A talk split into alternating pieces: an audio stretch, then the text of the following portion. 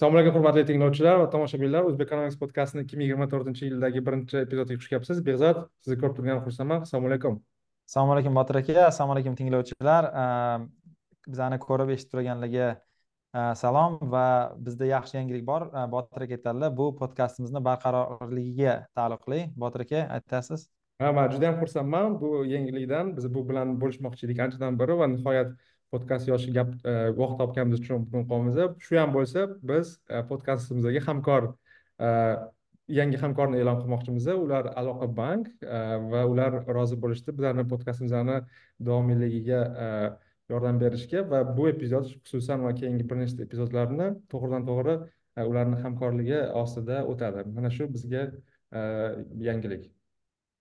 Podkast davomida man mana bu termosdan suv ichib turaman. Chunki yaqinda yugurishga bordim. Chanqaganman ya'ni to'g'ri ular hamkor lekin e, suvni haqiqatdan ichish e, ichishim keladi. Shuni bir e, aytib qo'y anaqalarimizga tinglovchilarimizga. Что то bir xil ekan termosimiz manimcha?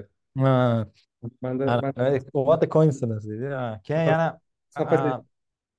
ahamiyat beradiganligi mana bunaqa anaqa значок ham aloqa bankga tegishli. Shuni ham taqib oldim.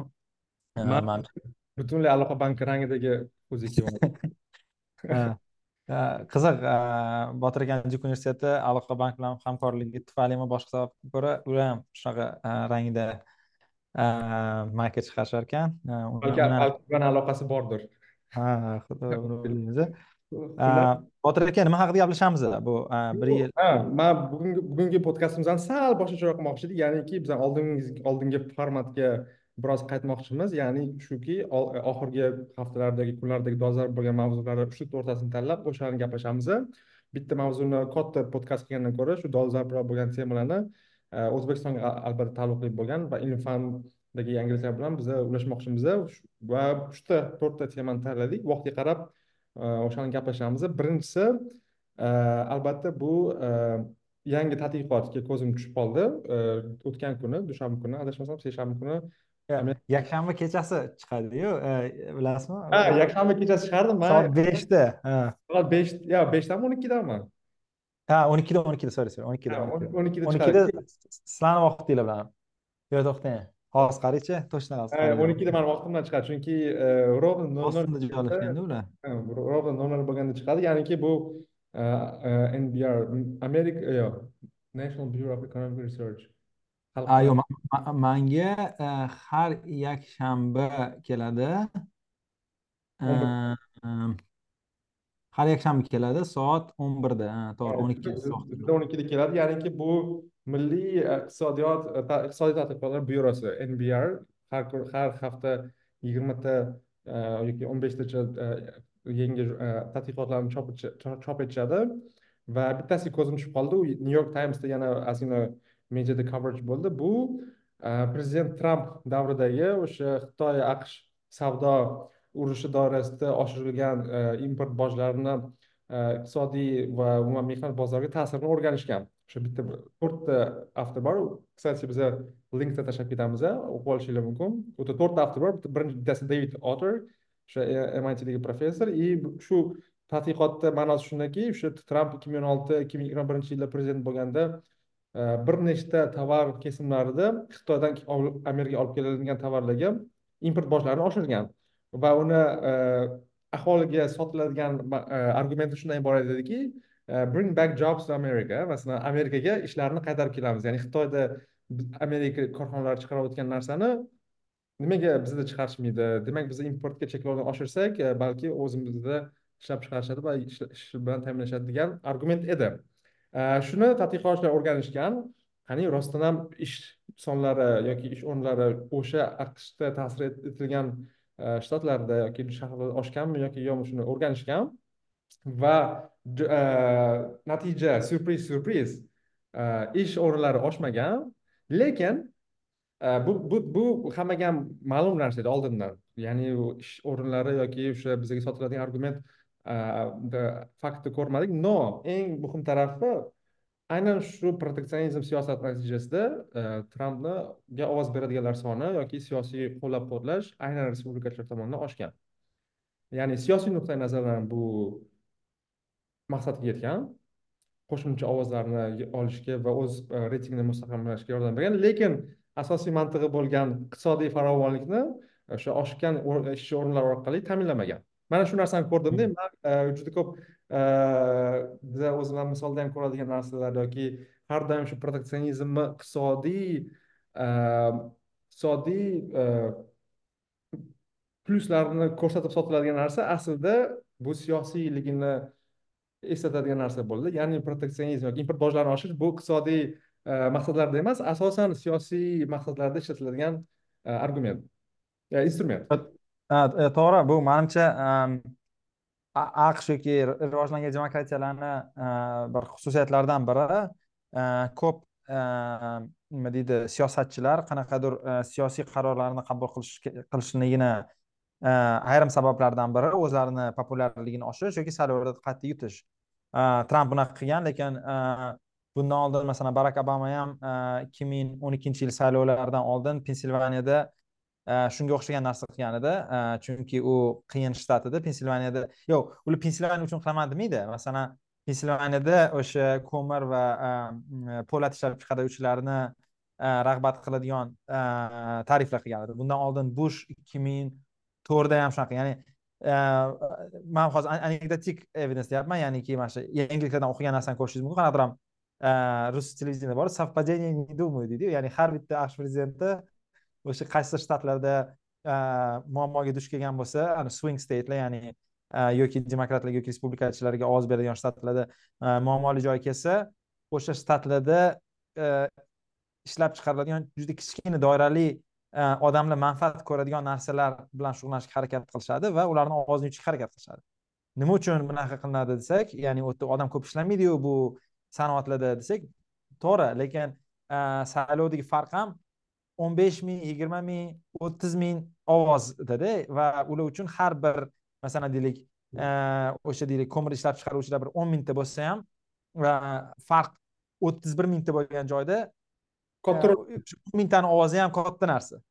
Shu uchun ular bunaqa narsa qiladi. Albatta bu e, mas'uliyatsiz savdo siyosatiga butun aqshliklar to'laydi.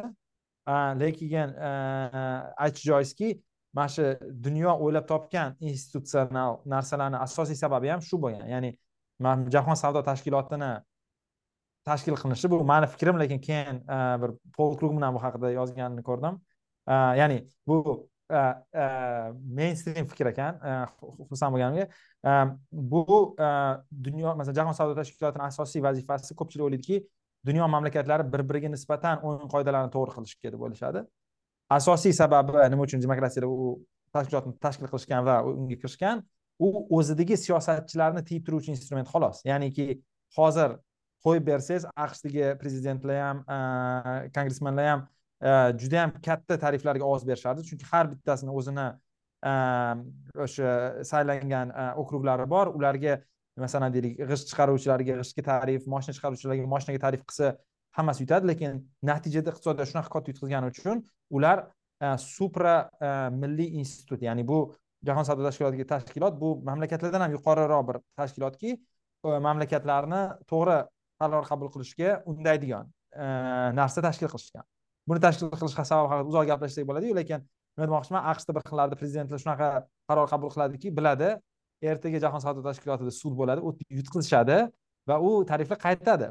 Lekin saylovdan o'tib bo'ldida ya'ni e, ma'no e, ko'pincha o'sha e, nima deydi qanaqadir ma'noda ko'rsatish uchun anavi saylovchilar ham aytadi ha endi bizani prezident harakat qildi lekin deylik jahon savdo tashkiloti anaqa qildi endi shu baribir harakat qildi ya'ni shu demokratiyalarda o'sha dum anaqa kuchini harakatlantirmaslik uchun ya'ni juda yam tor doiradagi Э, guruhlar butun iqtisodiyotga zarar keltirmasligi uchun shunday bir institutsional e, narsalar o'ylab topishgan va e, xudoga shukur qilib aytishimiz mumkinki deylik bundan yuz yil oldin dunyoda tariflar juda baland edida hozir o'rtacha o'rtacha o'lchangan tarif dunyodagi hamma mamlakatdan qarasak nolga yaqinlab boryapti. Mana shu oxirgi yuz yilda bu tam qirq ellik foizdan nolgacha yaqinlashib qoldi. Buni e, anaqasi nima deydi oqibati hamma bor edi lekin nima deydi bir xil anaqalar bor istisnolar bu masalan bizni vatanimiz o'zbekiston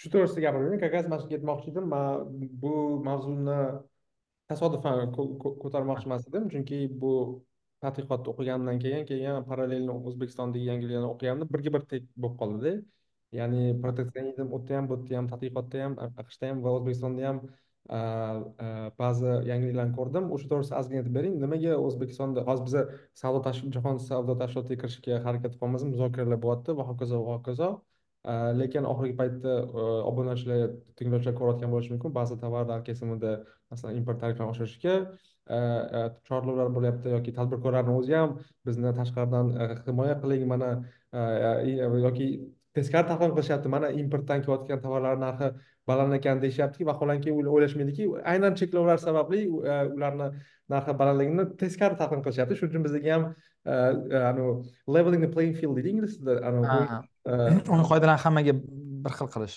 Bering nimaga hozir bizda teskari man endi hozir bitta narsani aytib o'tishim kerak.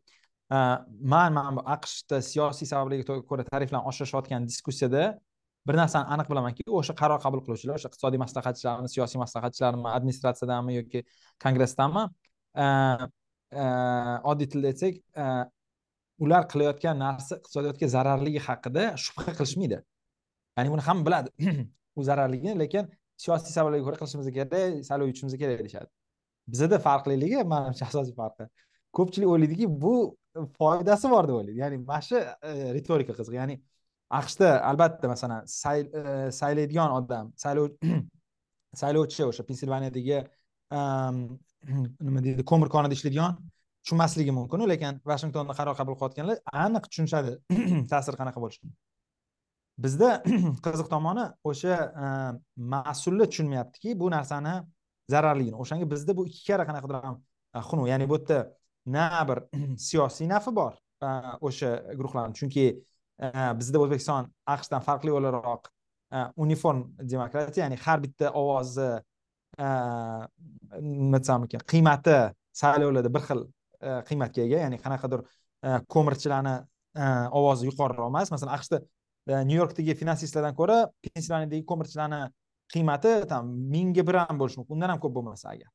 A bizada hamma odamda bittagina ovozi bor anaqa saylov kollegiyasi degan institut yo'q endi bu boshqa mavzu lekin aytmoqchimanki o'zbekistonda tariflarni qo'yib o'sha bir besh mingta odam naf ko'radi o'ttiz olti mingta odam qiynaladi bu narsadan deganingizda siyosiy ya'ni saylov masalasida ham bu o'zi e, qarama qarshilik masalasida shuning uchun o'zbekistonga mana bu aqsh linzasi sal to'g'ri kelmaydi lekin shu bilan birga nima nimasi lekin to'g'ri keladi bizda ham har doim anavi ingliz tillarini boru день surka deydi ruschada anaqa yaqinda bo'ldi. O'zi kecha bo'ldi yaqinda kecha bo'ldi.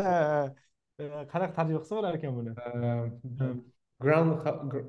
Groundhog deydi xullas mani bu deylik bu poprischada ya'ni bu anaqada bu ishda ya'ni blogerlik deylik gapirish yozish ma'nosida besh olti yildan beri shu bilan shug'ullanib kelyapmanda shu narsada qanaqaki har doim jamoatchilikda xotirasi nollashib ketadi. Ya'niki har olti oy nima uchun tariflar yomon nima uchun tariflar bizni kambag'allashtiradi nima uchun e, erkin e, iqtisodiy aloqalar yaxshiligi haqida e, va'z ma'ruza qilishimiz kerak. Masalan bizani birinchi podkastimiz ham o'zbek ekonomikasi bundan bir endi besh yil bo'ladi yozda yo'q to'rt ikki ming o'n to'qqiz yozda yozildi hmm. ya'ni mana shu olti oydan keyin besh yil bo'ladi. O'shanda ham o'sha haqida gaplashgandik xuddiki bu yangi mavzu ikki bo'lib gaplashgandik esingizda ha ikki bo'lib gaplashgandik hozir ham mana ani nima deydi? Bir xillastirib o'tadiyu bir xillastirib o'zgarmas deydiku. Mana vaqt o'tyapti kechasi aytdingiz soqolimga oq tushdi doz sizni soqolingiz o'sha paytda soqolim paytida ham bizada o'sha mavzu edi. Buni achinarli tarafi shundaki bir xil odamlarga bu Э, iqtisodiy zarar nimaligini tushunmaslik выгодно ya'ni bir xillar buni bilib turib qiladi a bir xillar haqiqatdan e, aldanadi. Qiziq tomoni bu e, groundhogdagi e, shundaki bizda hamma buni unutib yuboradi va yana boshdan bu diskussiyani boshlaymiz. O'zbekistonda hozir diskussiyani sababi nima bo'ldi? Mana kunuzda ham yaqinda intervyuga chaqirishdi boshqa. Sababi chegarada o'z qo'lingiz bilan fizik shaxs sifatida olib keladigan tovarlarni narxi agar uch yuz dollardan katta bo'lsa oldin bojga tortilardi. Hozir shu uch yuz dollarni yuz dollarga tushirmoqchi hukumat. Nolga tushirib qo'ygan ha? Nolga tushirib qo'ygan hamma narsaga boj ha yo'q ular ularni argument qanaqa bo'lyaptiki agar deyapti uch yuz dollar qilsak tadbirkorlar odamlarga pul to'lashyaptida vaholanki tadbirkorlar o'sha odamlar chiqib fizik shaxslar o'zi bilan apparatura qanaqadir ham narsalarni olib kelishyaptida va bu bizni deyapti ular. Ishlab chiqaruvchilarni raqobatbardoshligini kamaytiryapti deyapti. Endi eh, endi hozir yuz dollarni hozir aytyapsiz. Nol nimaga nol qilmayapti degan diskussiya bor lekin o'zi eh, qanaqa bir ahvoldamizki oddiy fizik shaxs oyog'i bilan chegarani o'tib chegarada anu chakana savdodan ya'ni u yerda kimdir foyda ko'ryapti o'sha televizor sotuvchimi mikrovolnovka sotuvchimi qo'lida olib ko'tarib kirib qanchalik bu xarajatligini ko'rsatyapmanda ya'ni chegarani o'tishi ham bir ikki soatlik narsa. Olib kirib keyin uni o'sha qo'shnisigami instagram orqalimi telegram orqalimi sotganda ham bizada ulgurji anavi katta avionni chiqargan zavoddan samaraliroq sotyaptida. Ya'ni u yerda nechta odam anaqa qilyapti o'sha e, tadbirkor deyishyapti orada. Ishchisi bor borib fizik ravishda olib keladigan shu taksi xarajatlari boshqa bor. Keyin o'sha qozog'istonmi qirg'izistonmi boshqa shu qo'shni mamlakatlarimizdagi e, chakana savdo do'koni bor. Uni foydasi borda. E, shulardan ham mm, e, shularni xarajatlarini qilganda ham ular raqobatbardoshlik bermayapti. Man hozir aytmayman bir konteynerga milliontalab televizor milliontalab xolodilnik milliontalab anaqani poyezdni olib kirganda qanaqa xarajat tushardi har bir televizorgada. Ya'ni ular shu darajada samarasizki hattoki shu fizik ravishda odam peshkom olib kelayotgan narsadan ham e, narxi baland. Ya'ni shu diskussiya qiziqroq bo'ladi. Ana yuz dollar e, e, masalan hozir uch yuz dollar qolsa ham hozir endi jamoatchilik o'ylaydiki hozir uch yuz dollar qolsa bo'ldi yutdik zo'r deydida. Lekin bu qanaqa biz tubga tushib qoldikki qanaqadir xalqni qaysidir qismi o'ziga kerak bo'lgan narsalarni ovqat bo'ladimi texnika bo'ladimi Э, boshqa mamlakatdagi yashovchilardan ko'ra ancha qimmat to'lashadi ya'ni bu hozir oddiy so'z nima degani? Bu degani o'zbekistondagi odam e, ovqat bo'ladimi televizor boshqa texnika bo'ladimi moshinami hamma narsani kiyim kechak hamma narsani qo'shni mamlakatdagi odamdan ko'ra qimmatga olishga mahkum. Sababi nima? Sababi o'sha qanaqadir e, samarasiz o'n mingtami besh mingtami besh yuztami odamni nima deydi? Intereslari shunaqa bo'lgani uchun bo'lyaptida. Ya'ni mana shu mana shu narsani manimcha aytishimiz kerak. Ya'ni anaqada ya'ni siz aytdingizku chegaradan olib kirib o'zini ehtiyojiga masalan. Ha. Mayli sotaman bo'lsa ham instagramdagi yoki chegaradan fizik litso instagramda sotmoqchi bo'lgan narsasi butun boshli o'n mingta yigirma mingta odamli zavodni e, raqobatdoshsiz qilayotgan bo'lsa demak savolni boshqacha so'rash kerakda. Ya'ni qaysi sabablarga ko'ra shunaqa katta yoki kichkina qancha nimani ishlab hmm. chiqargan zavod bo'lsa ham nimaga u samarasiz birinchi navbatda? Nimaga o'sha oddiy chegara siz aytayotgan anavi yurib bir soat ikki soat yurib kelayotganlar bilan yutqizyapti? Masalan raqobatda deb degan savolni qo'yish kerak vaholanki ya'ni shu aynan shu savol eng qiyin masalan agar ishlab chiqarishni himoyalash nuqtai nazaridan esa mani eng yaxshi ko'rgan misolim masalan keling man siz bilan boing samolyotini o'zbekistonda ishlab chiqaramiz deymizda balki biz siz bilan shunga e, shuni qila olamiz. Lekin biza ishlab chiqaradigan boing amerikada masalan uch yuz million tursa biz ikki yarim milliardga ishlab chiqaramiz. Deb aytamiz yo'q o'zbekistonda agar kimdir samolyot olmoqchi bo'lsa faqat bizdan olishligi mahkumsiz. Shu amerikadagi boingdagi injenerlarni olib kelamiz balki zavodini olib kelamiz boshqa narsa qilamiz va shunaqa narx bo'ladi. Bu narsa o'zbekiston xalqiga foydami zararmi deganda javob mutlaq zarar. Agar siz ishlab chiqaradigan narsangiz boshqa alternativadan ko'ra ancha qimmatmi demak u narsalar bilan shug'ullanishni to'xtatishingiz kerakda. Ya'ni mana shu judayam bir e, oddiy e, haqiqat va bu haqiqatga biz doim e, anaqa qilyapmiz. Nima deydi? To'qnash kelyapmiz deb o'ylayman. Hmm. ha albatta mana shu narsa siz aytganingiz har besh yil to'rt yilda yoki besh yil to'rt yil oldin boshlagan mavzu har yarim har uch oy deding bu podkastimizni eshitmasdan turib besh yil oldin eshitsak hozir yangi g'oya gapirganimiz yo'q. Hozir yozmasdan turib o'shani chiqarib yuborsak bo'lar ekan. Ha ya'ni aytmoqchimanki bu shunchalik e, afsus bilan gapiryapmanki bu qancha ko'p imkoniyatni yo'qotyapmiz. Ya'ni ya'ni tadqiqotlar borida ko'rsatayotgandiki savdo siyosatidagi e, aniqsizlik ya'ni uncertainty ya'ni savdo siyosatini o'zgaruvchanligi e, iqtisodiyotga negativ ta'siri bor ekan. Chunki korxonalar iste'molchilar reja qilolmaydi. Masalan hozir deylik o'zbekistonda mana qanaqadir ovqatlarga ayrim turdagi ovqatlarga boj yo'qligi yana bir yilga cho'zildi. Keyingi yil nima bo'ladi? Masalan anavi siz deylik bir narsani import qilib ishlab chiqarmoqchisiz bilmadim chet eldan bananni olib kelib bananali pirog ishlab chiqarmoqchisizda. Lekin bilasiz bir yildan keyin deylik o'sha bananga yoki o'sha qanaqadir ham mahsulotga katta boj qo'yilishi mumkin bo'lsa siz u narsani qilmaysiz. Ya'ni bizda mana vaqtinchalik mana bunaqa narsalar boru nima deydi hozir jamoatchilik to'polon qilgandan keyin qaytishlar odamlarni va bizneslarni reja qilish imkoniyatini cheklagani sababli u ham muammoda. Ya'ni mana shu aniqsizlikni raqamlarga chiqarsak balki biz milliardlab dollarni yo'qotyapmiz mana shuni natijasida ham deb o'ylayman.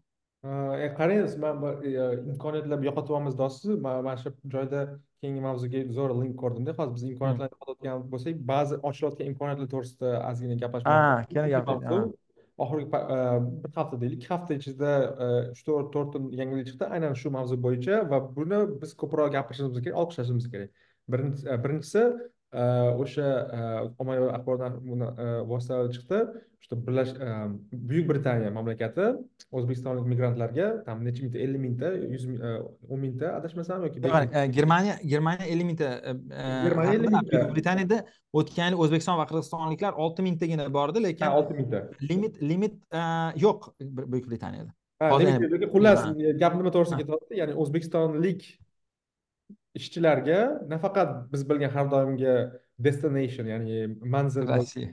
Rossiya emas balki boshqa jozibaliroq e, bozorlarni hozir ko'payayotgan yoki oldindan mavjud bo'lgan lekin to'g'risi biz kamroq e, bilgan kamroq misollarni bilgan e, manzillar ko'payyapti o'sha buyuk britaniya bo'ladimi germaniya bo'ladimi va janubiy koreya anchadan beri bor va o'sha mamlakatlarda o'n mingta yigirma mingta yoki siz aytgandek olti mingta bo'lsa ham o'zbekistonliklarni olib kelishga kvota ochilyapti va buni e, juda ham yaxshi yangilik deb e, aytish mumkin. Chunki biz azaldan bilamiz e, o'zbekistonlik ishchi deganda gap ketganda ko'pchilik o'zimiz ham va chet eldagilar ham asosan faqat rossiyani manzil sifatida ko'rishadi va bu yillar davomida yillar davomida shunaqa bo'lib qolgan narsa edi. Endi bo'lsa bu to'g'risida dekabrda yoki noyabrda biz gaplashgandik aynan bir xil jinnilar televizorda chiqib gapiradiku именно siyosiy nuqtai nazardan shuncha besh olti millionta e, o'zbekistonlik bizda yashar ekan e, degan bir e, ahmoq xorijiy mamlakatlardagi aytishgan payti mana shu mavzu yana qayta qayta chiqadi. Shuning uchun nima demoqchimiz? Agarda biz o'zbekistonlik ishchi deganda gap ketganda faqatgina bitta manzilni emas boshqa undan ham jozibaliroq manzillarni ko'rishni xohlasak va ularni ko'paytirmoqchi bo'lsak bu yo'nalishda davlat to'g'ridan to'g'ri hukumat to'g'ridan to'g'ri bu bilan shug'ullanishi kerak. Ya'ni qaysi ma'noda? Biza bilamiz masalan qozog'istonlik odamlar chet elga chiqqanda qaysidir mamlakat shengen vizasi olsa o'n yilga oladi yoki bir yilga oladi. Yoki hmm. amerikaga o'qishga keladigan xitoyliklar oldin o'n yilga olardi qozog'istonliklar ham turistik vizadan o'n yilga oladi. Biz ham hmm. bir yil yarim yil yoki shengen olsangiz там uch kun ikki kun yarim kun xuddi anavi viza olsangiz soat ikkida chiqib ketishing kerak deb yozib turib beradi viza ya'ni bu yerda hukumatni o'rni qanday iborat bo'lishi kerakki muammo o'zi muammo nimadan iborat? O'zbekiston bozori kichkina masalan aholisi oshib boryapti. Ish bilan ta'minlash bizda hozir asosan davlat e, anaqasida qolib ketgan ya'ni e, asosiy ish beruvchi bizada e, davlat. Va undan ham ko'proq ish o'rni yaratish uchun anavi bozor iqtisodiyoti xususiy kapital paydo bo'lishiga rag'batlarni biz masalan bir ikki yilda afsuski ko'rmaymiz. Shuning uchun ko'payib kelayotgan ko'payib chiqayotgan mehnatga layoqatli aholini ish bilan ta'minlash uchun tashqi bozorlarda ham hukumat yordam berishi kerak xususan. Va bunda to'g'ridan to'g'ri muzokaralar va masalan tashqi e, tashqi faoliyatda tashqi ishlardagi siyosatimiz mani fikrimcha shundan iborat bo'lishi kerakki e, germaniyada masalan o'rtoqlar kelinglar. E, Sizlardagi qaysidir там boying chiqaradimi yoki жвачка chiqargan zavodmi yoki nima ishlab chiqarishgan bizga kapital olib kelinglar biz garantiya beramiz pullarni e, qaytib chiqarishga biz sharoit yaratamiz. Nima qilib bo'lsa ham pullarni olib kelinglar deganimizdan ko'ra aksincha teskari yo'nalishda kelinglar. Bizda mana malakali ishchilar bor mehnatkash aholimiz bor. Manaqa manaqa hunarga ega bo'lgan aholi bor va sizda o'sha e, shunaqa e, vakansiyalar bor ekan va ularga ish bilan ta'minlasangiz biz kafolat beramiz masalan hukumat e, aynan biz ishlarimizni chet elda himoya qilamiz degan muzokaralarni ko'paytirsa va biz o'zimizda ichkarida o'zbekistonda mana shunday shunday misollarni ko'paytirsak ya'niki masalan germaniyada yuk tashiydigan mashina haydayotgan migrant oyiga qancha oladi? Masalan uni hayoti qanday yoki polshadagi taksi haydaydigan o'zbekistonlik yoki umuman Э, har qanday ishda ishlaydigan e, e, o'zbekistonliklarni misolini biz e, ko'paytirishimiz kerak deb o'ylayman. Va mana shu mavzuda biz aynan o'zbekistondagi imkoniyatlarni ko'payayotganini man shu to'g'risida gaplashmoqchi edim. Yo'q man ham qo'shilaman. Bu albatta yaxshi yangilik. Manimcha qancha ko'p odam bilsa yaxshi bo'lardi. Masalan buyuk britaniyada mavsumiy vizalar berishni boshlashdi. Manimcha olti oygacha berishadi. Ular faqat qishloq xo'jaligida xizmat qilishga. Ya'ni ular e, o'sha qishloq xo'jalik mavsumi hozir bahordan kuzgacha ya'ni mana shu bir ikki oydan keyin ketsa bo'ladi va e, ancha yaxshi mablag' topsa bo'ladi. O'sha gazeta o'zidagi maqolada ham e, tushunishim bo'yicha o'sha manchesterda klubni teradigan yigit soatiga to'qqiz funtga gaplashibdi ishini. Bu yaxshi daromad. Misol uchun boshqa mamlakat qo'shni rossiya qozog'istondan ham ancha kattaroq daromad va eng muhimi e, shu uni haqlari himoyalangan bo'ladi sug'urtalangan. E, hamma hamma ma'noda e, bu o'zbekiston uchun ham va eng muhimi o'sha odamni iqtisodiy ahvoli uchun juda ham yaxshi narsa bo'lardi. Agar ular nima deydi osonlikcha keta olishsa va sizni gapingizga qo'shilaman mana bunaqa ma'noda agar bir necha mingtasi hozir ketib olsa hamma bir biriga qanaqa yo'l yo'riqlar qanaqa vizaga to'ldirish kabi narsalarni aytishardi. Э, hukumat nima qilishi kerak degan savol sal qiyinrog'i chunki e, bilasan xalaqit bermaslik degan narsa bor. Hozir man qo'rqayotganim nimadir e, o'zi ko'pincha hukumatga anaqa qilinsa e, judayam anaqa qilishni boshlaydi. Nima deydi? Nima desam ekan past berilib ketib nimadir yomon qilib qo'yib tag'in ularni imtihon qilib jo'natamiz avirga o'xshagan narsa qilamiz degan g'oyalar kelmasligi kerakku. Lekin asosiy argument nima bo'lishi kerak? Э, qanday qilib u narsani osonroq qilsak bo'ladi balki e, qanaqadir ham turdagi e, mana bu hujjat to'ldirishga e, yordam kerakmi? Masalan o'sha ijtimoiy kutubxonami qanaqadir social service deydi o'shanaqa joyga anaqa qilsak bo'ladimikan? Nima deydi? Ularni xizmatidan foydalansak bo'ladimi? Shu ma'noda o'ylaymanki hukumat shuni harakat qilish kerak jamoatchilik esa iloji boricha bu imkoniyatlar haqida gapirish kerak va odamlar uni anaqa qilib olishadi lekin bilasizmi nima qilish kerak degan savolni mani ikkita anaqa javob bor edi masalan qisqa muddatda va uzoq muddatda. Qisqa muddatda masalan siz aytgandek masalan logistik nuqtai nazardan yordam berish yoki strategik nuqtai nazardan masalan shu tashqaridagi hamkor mamlakatlar bilan хотя бы masalan kelishib shu ish kvotalarini oshirish yoki ish e, eshiklarini ochish masalan strategik nuqtai nazardan uzoq muddatdagi e, vazifamizni yoki uzoq muddatdagi bizani qilishimiz kerak bo'lgan narsa manimcha e, bu to'g'risida yozildim. Masalan istalgan ishchini olmaydida masalan germaniyaga ham yoki angliyaga ham yoki boshqa chet elga ham istalgan ishchini olmaydi. U o'ziga tilni biladiganini saralab oladi malakasi borini saralab oladi va eng birinchi narsa til tilni bilish kerak. И rossiyaga masalan rossiyadagi e, boradigan ishlarimiz asosan e, borishga majbur bo'lib borishadi. Ya'ni til nuqtai nazaridan yaqin geograficheskiy va hokazo va hokazo. Man xohlardimki e, o'sha gapda masalan ingliz tilini muhimligi yana yana va yana qaytib kelaveradi. Istalgan chet elda ishlashga borgan o'zbekistonlik biladiki eng birinchi uni yo'qotadigan raqobatda yo'qotadigan narsasi bu tilni bilmasligi. Masalan aqsh amerika qo'shma shtatlariga ham o'sha Э, o'sha diversity viza orqali kelganlar ham bilishadiki agar tilni bilganimda man bu yerda boshqa ishni boshlagan bo'lardim deydi. Agar tilni bilganimda man ofisda ishlardim yoki tilni bilganimda хотя бы bir darajada raqobat e, mehnat bozorida raqobat qilar edim deydida va tilni bilmaganlar uchun e, tilni bilmaslik e, bilmasdan ishlashga to'g'ri kelgan ishda ishlab yillar davomida уже til bilishim shart emas ekan deb o'sha ishni davom ettiraveradi qanaqadir trap anaqa qopqonga tushib qoladi. Va umuman o'zbekistonlik o'zbekistonlik ishchi yoki o'zbekistonlik e, mehnat kuchini jahon bozorida biz ozgina raqobatini oshirishimiz uchun chunki e, masalan anaqaga kelib turib masalan kremniy vodiysiga kelib turib o'zbek aytishniklarga nimaga sizlar o'zbekistonda aytishnikga outsource qilmaysizlar nimaga o'zbekistonda o'zinglarni землякиlarni tortmaysizlar deb hukumatinglar kelishib aytishadi. Lekin gap shundan iboratki raqobat nuqtai nazaridan bizadagi odamlar yutqazib qo'ysa chet eldagi ish beruvchilar raqobatda kuchliroq tili biladigani yoki hunari borlarga beradi. Millatdan qat'iy nazar pasportlar shuning uchun agar uzoq muddatda gap ketadigan bo'lsa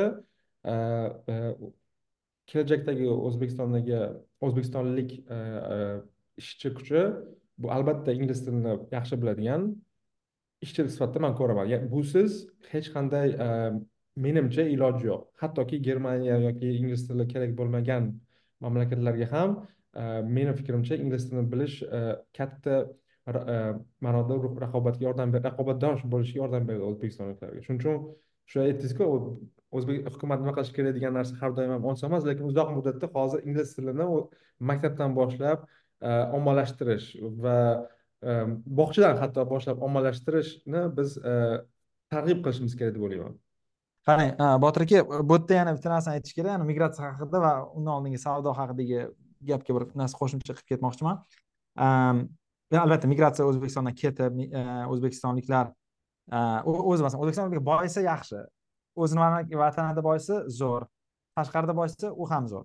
Lekin savdoga savdo elementi ham bu yerda bor masalan o'zbekistonlik odam borib germaniyada boyib ketsa e, boyib ketsa emas umuman pul topsa deylik o'zbekistonga pul yuboradi. Masalan deylik besh ming yevro pul yubordi. O'sha besh ming yevroni evaziga agar uni o'zbekistonlik qarindoshlari o'zbekistonda ichida turib chet elda ishlab chiqarilgan narsa sotib olishsa import raqami anaqalari oshadida ko'rsatkichlari ya'ni bizada eksport importda odamlar buxgalterlik nuqtai nazaridan tushunishmaydi deb o'ylayman ana unda qayerdadir o'qib qoldim mana yoq yozishibdi. O'zbekistonda manimcha yaxshi formulировка qilmayman lekin eksport bilan import orasidagi farq xuddiki muammodek gapirishganda. Bu har doim gapiriladiku bu muammoda va buni deylik davlat byudjetidan ana qilishayotgandek gapirishyaptida ya'ni xuddi davlat puli ketyapti ani farqini qoplashga.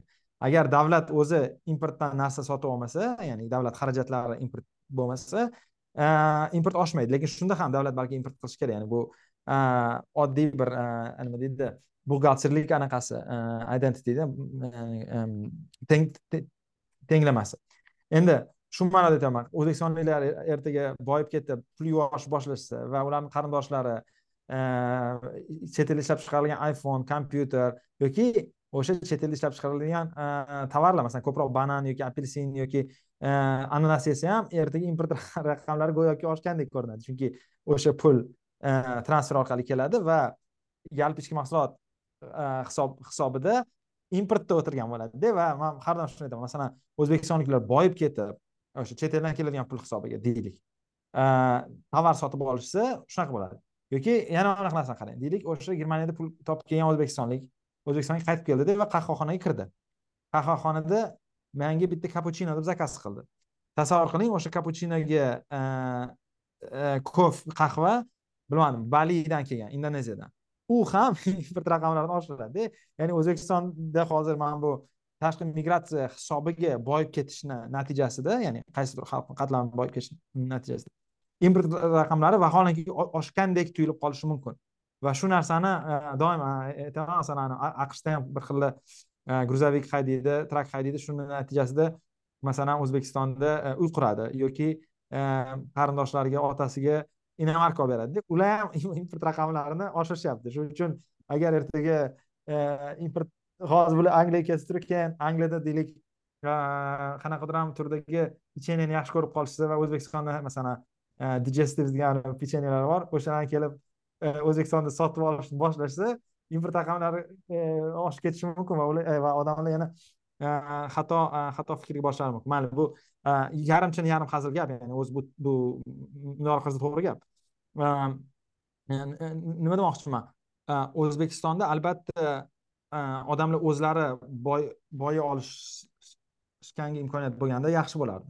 O'zbekistonliklar chet elga ketishini asosiy sababi iqtisodiy iqtisodiy imkoniyatlar o'zbekistonda yetarli bo'lmagani uchun ketishyapti. Nima uchun yetarli emas? Boya gaplashganmiz masalan noto'g'ri savdo siyosati ham qanaqadir ma'noda to'g'ridan to'g'ri.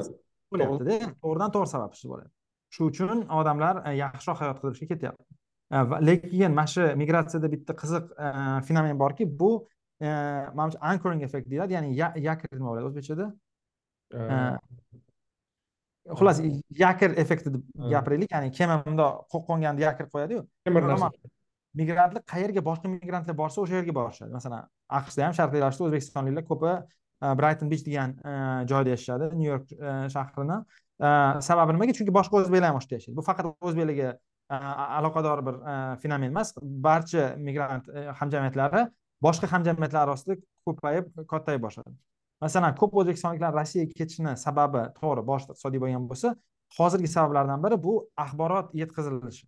Ya'ni masalan hozir qaysidir e, viloyatni qaysidir qishlog'ida bir bola o'n sakkizga kirgandan keyin ish qidiradi boshqa imkoniyati yo'q uylanishi kerak. Shunda anavi mahalladagi qo'shni jiyan u bu tanish bilish sinfdoshlar qayerga ketganidan bilib boradi. U masalan o'tirib hamma variantlarni ko'rib chiqishga baribir odamlarni imkoniyati yo'qda hammamiz ham ko'p hayotimizdagi qilgan qarorlarimiz o'zimizni mavjud anaqalardan kelib chiqqan nima deydi imkoniyatlardan kelib ma'lumotlarni process qilish chegaralanganda masalan anavi ha u ham lekin ma'lumotni e, e, yetkazib berish masalan mana qani deylik. Mana siz bilan masalan man katta tennisda yoki golfda o'zimni sinab ko'rmaganman amerikan futbolida o'zimni sinab ko'rmaganman o'n olti yoshimda. Balki man э, tom bredi bo'lishim mumkin edi bilmayman.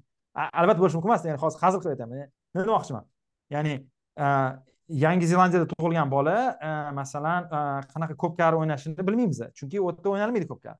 Lekin masalan vohada o'ynashadi. Shu uchun yaxshi ko'pkarichini ko'pkari o'ynash haqidagi tasavvur qashqadaryo yoki surxondaryoda yoki jizzaxda balki yaxshiroq shakllanadi.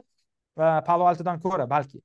Xuddi shunaqa ko'p boshqa kasblarda va migratsiyada ham ya'ni kimdir migratsiya qilish imkoniyati borligini u narsani orqasidan nimadir qilmoqchi bo'lish haqida tasavvurga ega. Xuddi shunaqa kasb tanlashda ham mana kimdir nima uchun doktor bo'lishi mumkin chunki tam tog'asi doktor qo'shnisi doktor o'zini ota onasi bo'lmasa ham. Mana atrofiga ham qaraydi bizda nima bo'lyaptiki shu atrof to'laqonli rossiyaga ketgani uchun ko'p odamlarga rossiya xuddi yagona bir э, joydek ko'rinyapti. Mani xursand qiladigan narsa agar minglab odam boshqa joyga ketishsa va ijtimoiy tarmoq kabi narsalardan bu oldin bu axborot yetib kelsa odamlar yaxshiroq qaror qabul qiladi. Masalan bizni yoshligimizda unaqa narsa yo'q edi. Masalan ijtimoiy tarmoq degan narsa yo'q edi. Fizik ravishda kimdir qayergadir ketib qayergadir o'qishga kirganini eshitmasangiz manaqa televizorda hali ham ko'rsatmaydi hozir ham ko'rsatmayapti ijtimoiy tarmoq degansiz endi qarang hozir man buni ko'rayotganlar aytiraman siz aytgan shu shartli qishloqdagi bola aytyaptiki man bilaman deydi man amerikani bilaman deydi britaniyani bilaman qayerga ketishimni ham bilaman viza deydi manga viza yo'q deydi.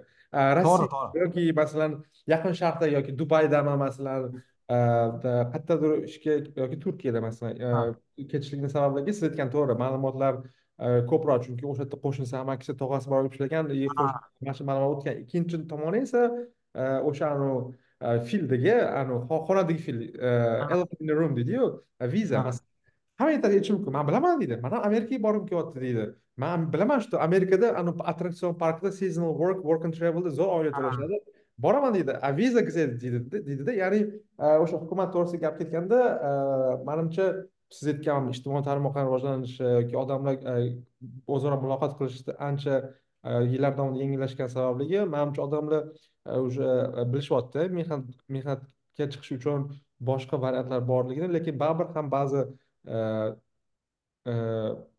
bizani kontrolimizdan tashqari yaratilgan sun'iy baryerlar tufayli bora lekin masalan o'zbekiston masalan qilishi mumkin bo'lgan narsalardan bittasi masalan xorijiy insonlar bizga kelganda viza olishadi. Viza olish kerak yoki Э, asosiy muammo shundan iboratki e, anavi nima uchun e, o'zbekistonliklar chet elga ish yoki masalan biz ish to'g'risida gaplashamiz e, migratsiya lekin umuman turistik vizani olishi nimaga qiyin desangiz teskarisi ya'ni biz masalan o'sha shartli shvetsariyalik fuqaroga kelishga bir yilga viza bersak biz ham shvetsariyaga chiqishimiz uchun ular ham bizga bir yillik qilib qo'yadi.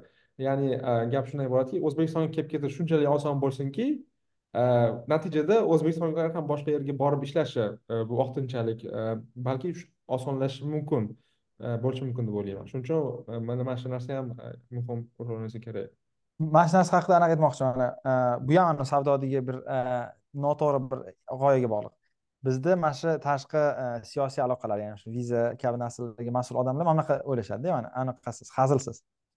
Aytishadiki qaranglar deyishadi agar biz hozir shartli masalan aqsh bilan bez viza qilib qo'ysa ya'ni aqshliklar o'zbekistonga vizasiz kelishini qilib qo'ysak biza ular bilan ular bizga vizani yo'q qilish ma'nosida muzokara qilolmaymiz deydi o'shanga bizni ham vizamiz bor ular ham bor biz ikkovimiz birga pasaytiramiz.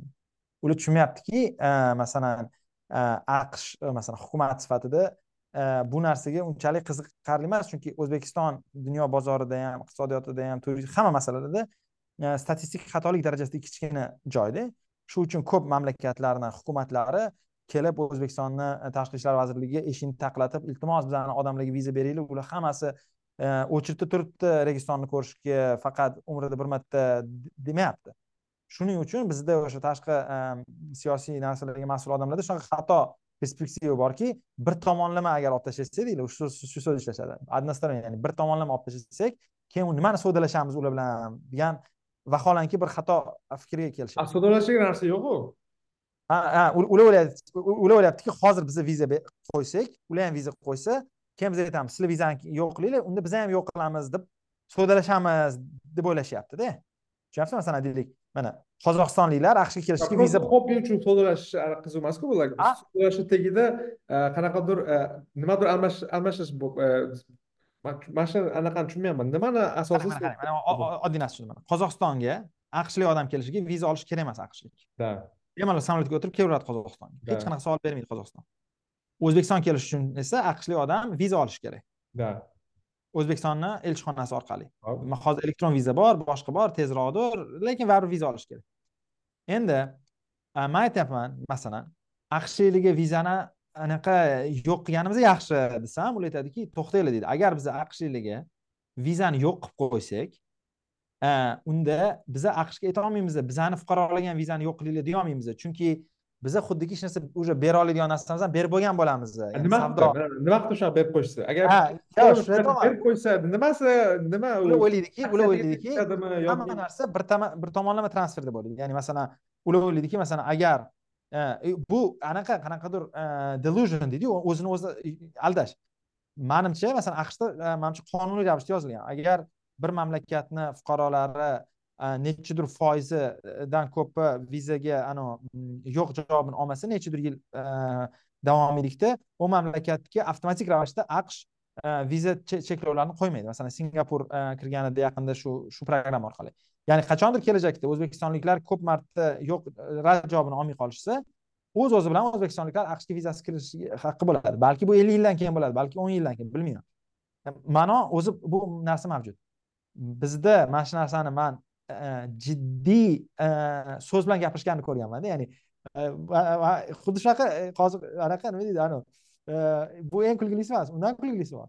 Masalan jahon savdo tashkilotiga kirishimiz uchun deydi hozir bojlarni yo'q qilsak deydi o'tga borib hech narsani savdolasha olmaymiz deydi o'shanga deydi biz bojlarni pastlari masalan hozir o'n foiz bo'lsa kerak bo'lsa o'ttiz foiz qilamizda keyin borsak xuddi biza e, o'ttiz foizdan o'n foizga tushirib bersak ular xuddi bir e, chegirmadagi qarashadi deyapti. Man aytaman birinchidan e, biza judayam kichkina mamlakatmiz va bizani bojlarimiz ko'pchilik uchun katta muammo.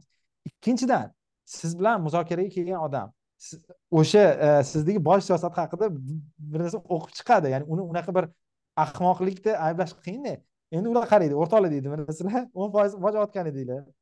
Anaqaga kirishdan oldin e, muzokaraga o'ttiz qildinglar hozir jinni jinni bo'lyapsizlarmi hozir. Yana o'nga tushirasizlar deb. Ya'ni e, qanaqadir ma'noda mana shu anaqa bor nima deydi qanaqa desam ekan?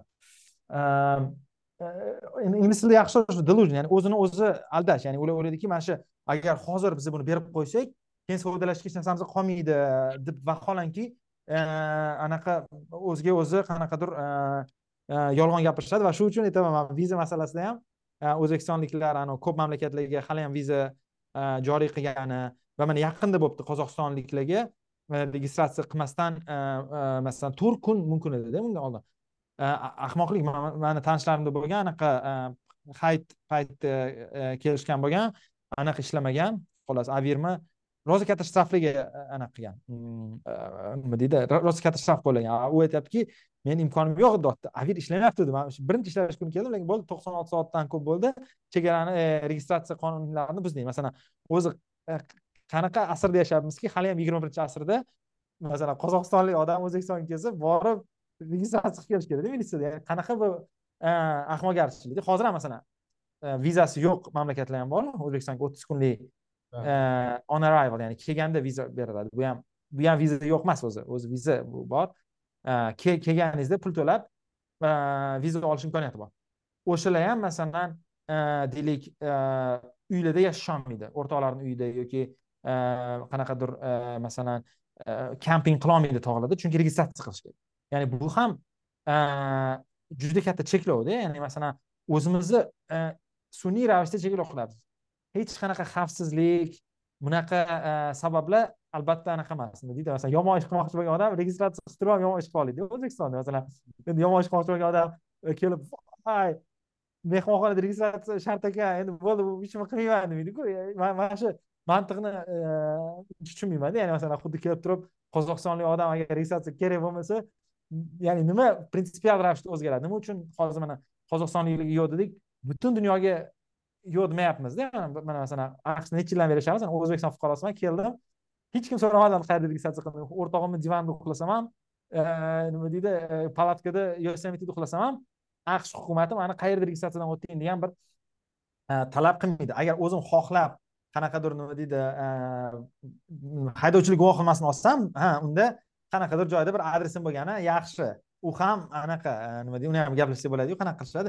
Aytmoqchimanki argumentlar mana xavfsizlik argumentlari o'sha stalin payti yigirmanchi yilda o'ylab topgan registratsiya narsasi hali ham bizani taqib etib kelmoqdada va shuni bitta oqibatlaridan biri o'zbekistonliklarga anavi reciprocity ya'ni tenglik anaqalari nuqtai nazaridan biz shu tashqi ishlar aloqalarida ta'sir qilyapti va bu savdoda ham o'zini ko'rsatadi ya'ni bu bizni qanaqadir qaror qabul qiluvchilarni yaxshi ko'rgan instrumenti va afsuski bu xato deb o'ylayman va zararli. Nafaqat xato ular uchun balki biz o'zbekistonliklar uchun ham zararli.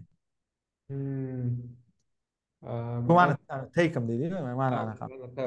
man yuz foiz qo'shilaman chunki bu masalada gap ketganda nafaqat anavi bu aynan biza o'zbekistonlik migrantlarga yangi bozorlar ochilishi doirasida emas balki o'qishga ketayotgan o'zbekistonliklar yoki ishga ketayotgan o'qishga yoki sayohatga ketayotgan o'zbekistonliklarga ham taalluqli. Nafaqat mehnat migratsiyasiga shuning uchun bu juda har bitta o'zbekistonlikka e, tegishli bo'lgan e, hayot chet elga chiqmoqchi bo'lgan o'zbekistonlikka tegishli bo'lgan masala. Shuning uchun e, kimnidir hayotida baribir to'qnashadi. Masalan o'zbekistonda yashayotgan odamlar man bilaman konferensiyaga borish kerak.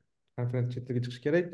Yoki masalan aqshni misol aytaylik masalan biz aqshda bo'lsak amerikalik insonlar yoki bizani hamkasblarimiz professorlar yoki bizani hamkasblarimiz chemodanni oladida ertaga uchib ketaveradi masalan masalan masalan yangi zelandiyaga uchib keta oladi bemalol parijga yoki avstraliyaga yoki neymat любой mamlakatga uchib ketaveradi beg'am bo'libdi agar skandinaviyaga bo'lsa bo'ldi u даже o'ylamasdan ham ketaveradi lekin uchinchi mamlakat uchinchi mamlakat fuqarolari shu jumladan o'zbekistonliklarga esa bu istalgan mamlakatga borishimizga bizga viza kerak.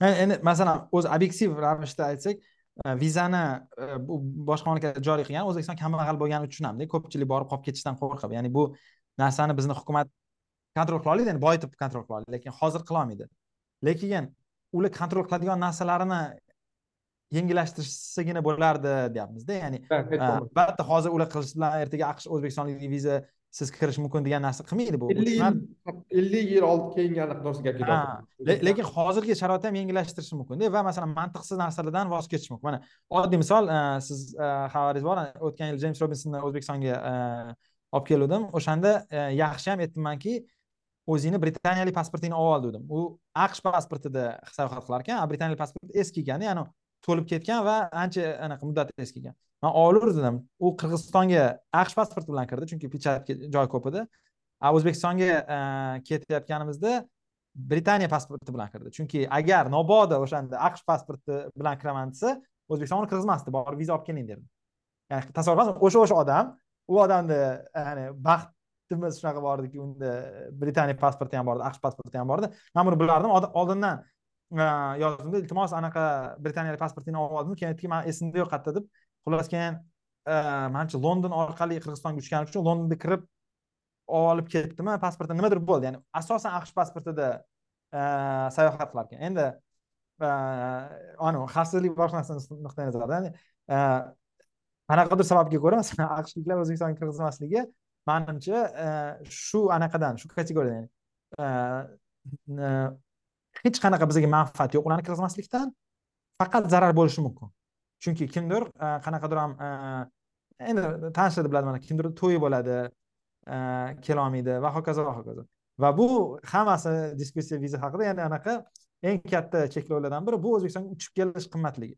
Ya'ni bu haqida ham ming marta gaplashganmiz lekin mana shu milliy aviakompaniyamizni uni ham raqobatbardoshligini saqlash uchun uchish qimmat o'zbekistonga va ko'p boshqa joylardan ko'ra bir necha barobar qimmatga tushadi va bu endi bu keyingi diskussiya ya'ni bizada ham viza mana shunaqa narsalarni yengillashtirsak ko'proq odam kelardi shoyatki va bu iqtisodiyotga ijobiy ta'sir ko'rsatardi deb o'ylayman o'zbekistonlik o'zbekistonga odamlar kelishi va o'zbekistonliklar imkoni boricha chet elga osonlikcha ketishi va biletlar boshqa cheklovlarni muhim taraf shundaki ertaga masalan angliyaga uchaman desa ham boshqa joyga uchaman desa ham Э, qanchalik arzon qanchalik yaxshi sifatli raqobatli e, transport orqali uchsa yaxshi. Chunki e, yomon transportni e, fojiaviy ta'sirlarini bilamiz mana rossiyaga ketayotganda avtobusda qancha odam o'lgani yaqinda ham shunga o'xshagan bir hodisa bo'ldi. Ya'ni bu bizda o'sha besh olti yil oldinga ham bor edi gap. Mana shu ikki ming o'n sakkizinchi yilni boshida yanvarida shu gap bor edi. Hozir mana yo'q o'n sakkizinchi yil boshida hozir mana olti yil bo'ldi. Yana qaytarildi. Shu uchun umid qilamanki shu narsalarda ham biz anaqa qilinadi. Nima deydi qanaqadir choralar ko'riladi. Choralar to'g'risida gapirganda uchinchi mavzu to'g'risida ham qisqa gap gaplashdilar chora как раз bugun yangi bitta chora ko'rdim. Chora qo'shtirnoq ichida. Ha undan oldin. Bitta podkast ko'rib qoldimda o'zbek tilida bitta eshitib qoldim. Man podkastni eshitaman eshitib qoldim. U yerda ekologiya to'g'risida gaplashishayotgan ekanda ekologiya to'g'risida gapirishayotgan balki podkast mavzu shunaqa e, formati shunaqa bo'lsa kerak. Hazil huzul bilan gaplashar ekanda ekologiya to'g'risida juda ko'p hazillar bo'ldi aytyapti masalan bitta boshlovchi nima hmm. sizlar hozir? O'zidan o'zi ekologiya to'g'risida qag'irib qoldinglar deyaptida mehmonga. Hmm. e, man eshitib o'ylab hazillashyapti man hazillashmayapti videosini ochib ko'rdim hazillashmayaptida ya'ni jiddiy yuzda aytyapti. Kelgan mehmonga ya'ni eko faol mehmon bo'lsa kerak e, aytyaptiki sizlar men o'zidan o'zi paydo bo'lib qanaqa agenda ajenda sizlarda o'zidan o'zi toza havo daraxt men shu to'g'risida o'zinglar o'zi gaplashib qoldinglar. E, gapiryapsizlar anaqa qilyaptida ya'ni hazil ma'nosi bo'lsa kerak lekin man kulmayapmanda. Bu anaqa jiddiy e, o'tiribman o'ylayapman. Avvalambor endi bu nimaga mavzu chiqyapti oxirgi kunlarda yoki haftalarda toshkentdagi havo sifati changlar yoki tumanmi bilmadim. Changlar slash tuman yoki zavodlardan chiqayotgan tutunlarni ko'rgan natijasida odamlar o'zida his qilyapti masalan kimdir lor qidirib yuribdi masalan kimdir kasal bolasi kimdir yo'tal yuribdi kimlardir astma va hokazo va hokazo va odamlar anavi havoni anaqasini ko'ryaptida oqibatini и bu to'g'risida tabiiyki odamlar gapiradi ekologiyaga yaqin bo'lgan yoki bo'lmagan odamlar ham tabiiyki bu to'g'risida gapirishni boshlaydi shuning uchun umumiy massa ekologiya toza havo ko'payib qolgani uchun ba'zilar e, savol beryapti. Nimaga sizlar bir o'zidan o'zi xuddi tankdagi toshcha tagida yashaydigan odamlar mana shunaqa savol beryapti. Sizlar nimaga shu amerikani anaqasi bo'lsa kerak agendasi bo'lsa kerak? ta'siri bo'lsa kerak. E man o'ylayapmanda bu to'g'risida vaholanki esimni tanigandan beri man o'ylaymanda yoki e, o'zbek tilida mana shu blog yozishni boshlagandan beri e, daraxt yoki o'z ko'zimni emas toshkentda yashagan bo'lsam o'z ko'zimni ko'rardim. Abdulla qodiriy ko'chasi daraxt ikki ming o'n to'rtinchi yilda yashashni boshlangan masalan yoki undan oldin ikki ming o'n to'qqizinchi skver va hokazo ikki ming to'qqizmi sakkiz o'n to'qqiz emas ikki ming to'qqiz noyabr. Ha ikki ming sakkiz noyabr masalan. Ya'ni e, yoki undan sal qarasak bizda orol bor masalanda ekologiya muammosi o'zbekistonda har doim birinchi masalaviy narsa bo'lgan u to'g'risida gapirilishi yoki gapirilmasligi ignor qilinishi u ikkinchi masala vaholanki biz hududan joylashishimiz ham va suv degan narsa bizda umuman yo'qligi va yo'qolib ketayotganligi va umuman insonlar tomonidan o'zimiz qilayotgan kichkina kichkina narsalar yoki katta katta narsalar masalan kichkina narsa deganda masalan daraxt tagini betonlaydida ertaga o'zidan o'zi so'lib qoldi deydi masalan. Ha hozir yangi metodalar topishgan botir aka daraxtchi anavi tepasini chopishadida и o'zi qurib ketadi keyin baylari bo'lmaganda. Qanaqa bo'lsa ham qurishda masalan beton qilib qo'yganda keyin albatta bu daraxt quriydi yoki tebigini siz kesib qo'ysangiz quriydi. Qanaqadir moshinasi tushadi masalan aytaylik tushadida keyin vo qara deydi. Man aytdimku bu ertaga odamni ustiga tushishi mumkin o'ldirish kerak edi demak hamma daraxtni chopish kerak deydida bittasini yozdi manga nima chinorlarni o'sha paytda kesmasak deydi skverda u odamlarni ustiga tushardi deydi. Shu skverda aylanib yurgan odamlar. Man o'ylayman jinnimisan deyapmanda u ya'ni shu darajada kerak mana imom al buxoriy anaqada kompleksida bir yetti yuz yillik chinorlar borda hech kim ustiga tushmasdan yashab kelyapti ya'ni agar agar yetti yuz yil yashagan edida lekin uni tagiga beton qo'ysangiz u tushib ketadi masalan uni tagiga siz beton qilsangiz yoki tepasini anaqa qilsangiz e, tushadi. Ya'ni aytmoqchimanki e, masalan bu masalan kichkinaroq kimgadir kichkina ko'rishi mumkin katta narsa masalan bu bugun e, chora deganda esimga tushdi toshkent teplоэнергияmi yoki qaysidir korxonaga shtraf qo'ydi elektr sechmi elektr sech emas mazut yoqadigan shtraf qilishgan. Ya'ni bir test testga ishtirok qilishgan. Chunki qaysidir blogerlar ko'rib qolgan tutun chiqayotgan ha balki bular ham ta'sir qilishi mumkin. Ya'ni ovoza bo'lgandan keyin qanaqadir tashkilot esiga tushib qolganki e vaholanki bular yo'q bularga qarashgan ovoza qilganidan bo'ldida o'zi ha mana shu aytmoqchiman qolib qancha o'sha yerda yashaysan o'zi yoki o'sha norma yozilgan masalan shu standartlari bor yoki uni kimdir inspeksiya qilishi kerak u kimdir ishida bu kimdir ishini qilmagan yoki kimdir ishi hozir esiga tushib qolgan lekin chunki o'sha anavi boshida boshlagan bloger nimaga sizlar ekologiya to'g'risida gapirib qoldinglar deyaptiyu. Mana mana shu ba'zi aktiv insonlarni foydasi tufayli kimdir o'zini ishini eslab qoldida a to'xtanglar biz ekologiya bo'yicha normalarni boshdan qaraylik bu qancha tutun chiqarish kerak? Demak aytmoqchisizki odamlar qancha ko'p shu haqida gapirsa shuncha yaxshi bo'ladi. Albatta mas'ul tashkilotlar o'zini ishini yaxshi qilmayapti demoqchisiz. Shunaqami? Albatta и bu faqat ekologlarni yoki e, ekofaollarni yoki bu ekologiya darsini o'tish mavzusi emas. Bu hamma narsaga taalluqli. Masalan e, o'sha bir milliardga shtraf qilingan zavod o'zi davlat hukumati.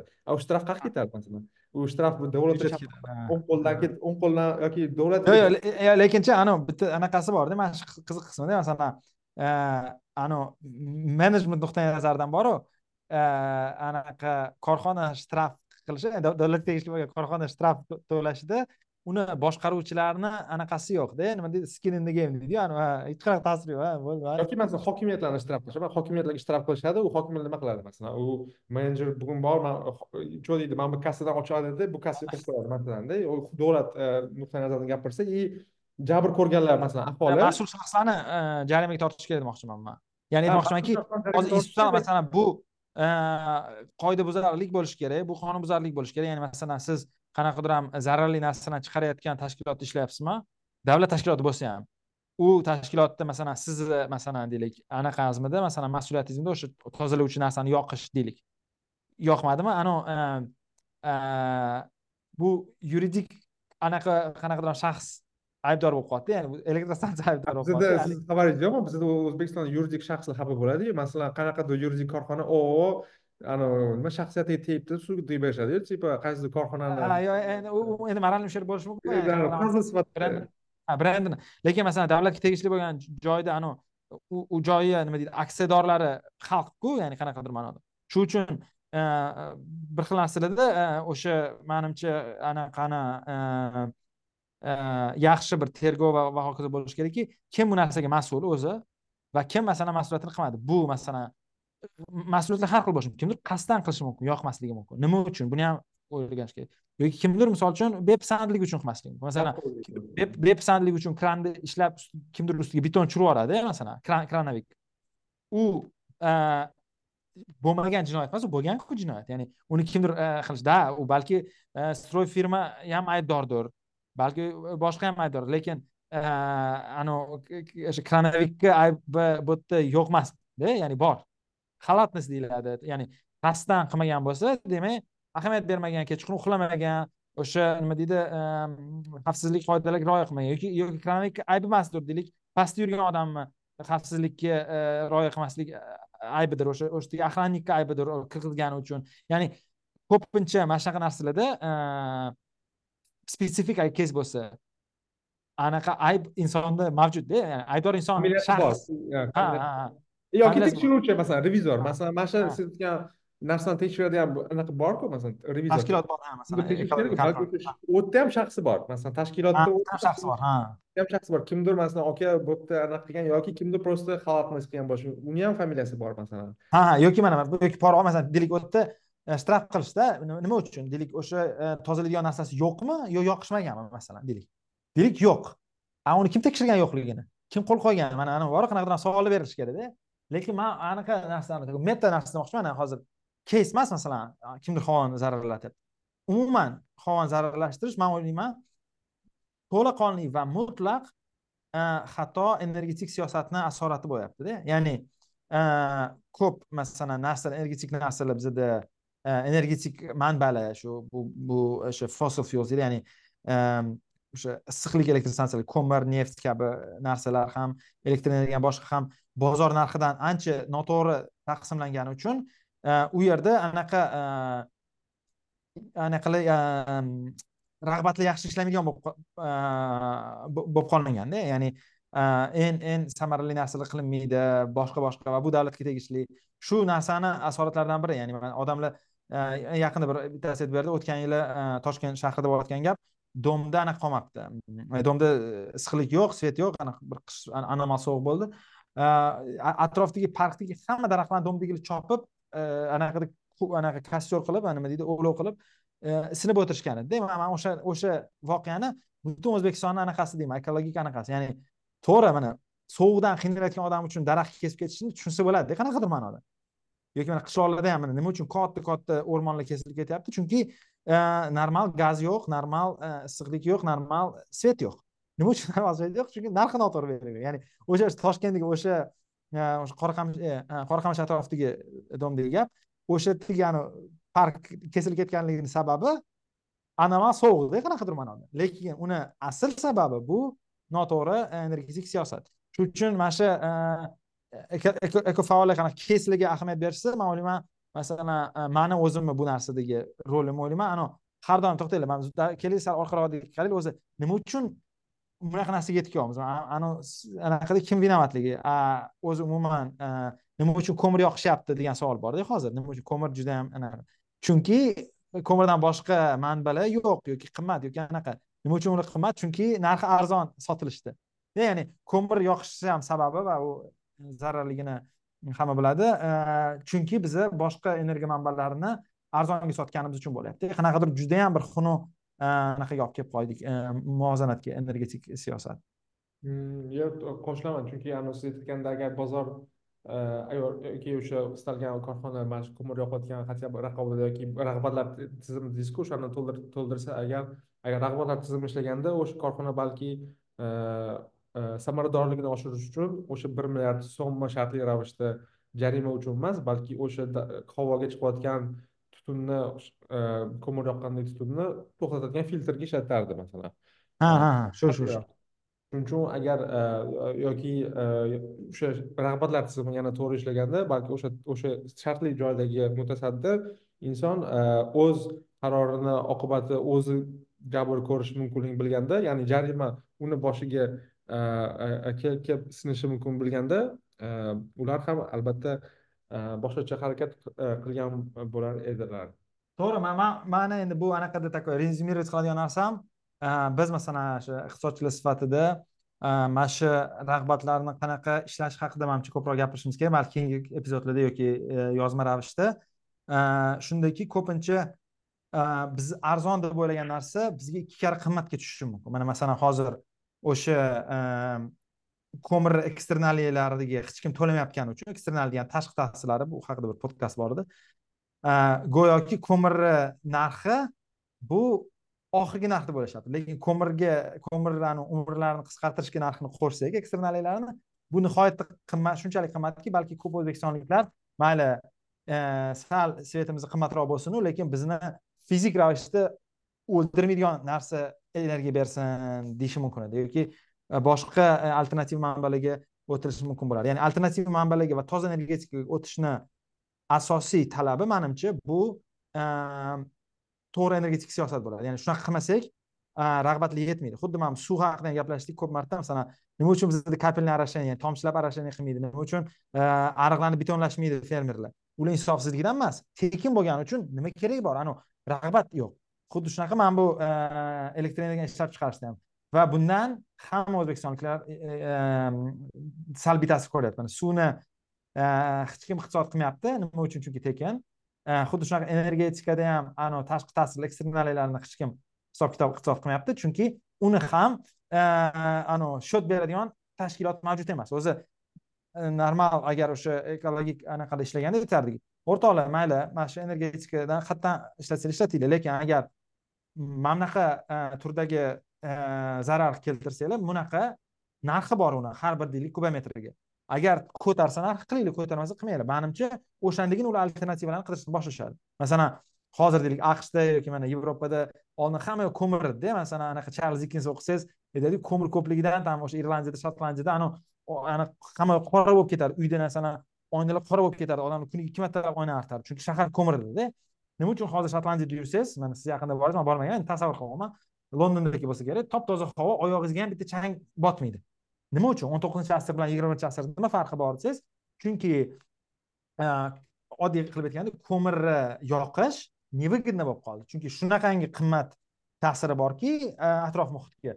Undan ko'ra e, boshqa manbalardan olib kelib yoqish arzonroq va energetikani anaqasi samaradorligi shunchalik oshganki masalan gaz va boshqa masalan turdagi energetika manbalari ham judayam bir narxi ham bir normal shu uchun shu uchun mana shuni anaqa qilishimiz kerak manimcha bir ikki marta keyingi balki epizodlarda gapirib o'tishimiz kerak ha albatta chunki hozir o'tayotganingiz o'rnidan pigovian tax chunki mana shu bordi chunki climate to'g'risida aqshda ham hozir dolzarb masala bo'lib turibdiki ya'ni o'sha qanaqa qilib biza o'sha korxonalarni qanaqa regulyatsiya qilamizki ular climate changega kamroq anaqa ta'sir qilsin deganda mana shu pigovian tax yoki именно mana shu rag'batlar tizimi ham ha mana shu karbonat angidridni narxlashtirish.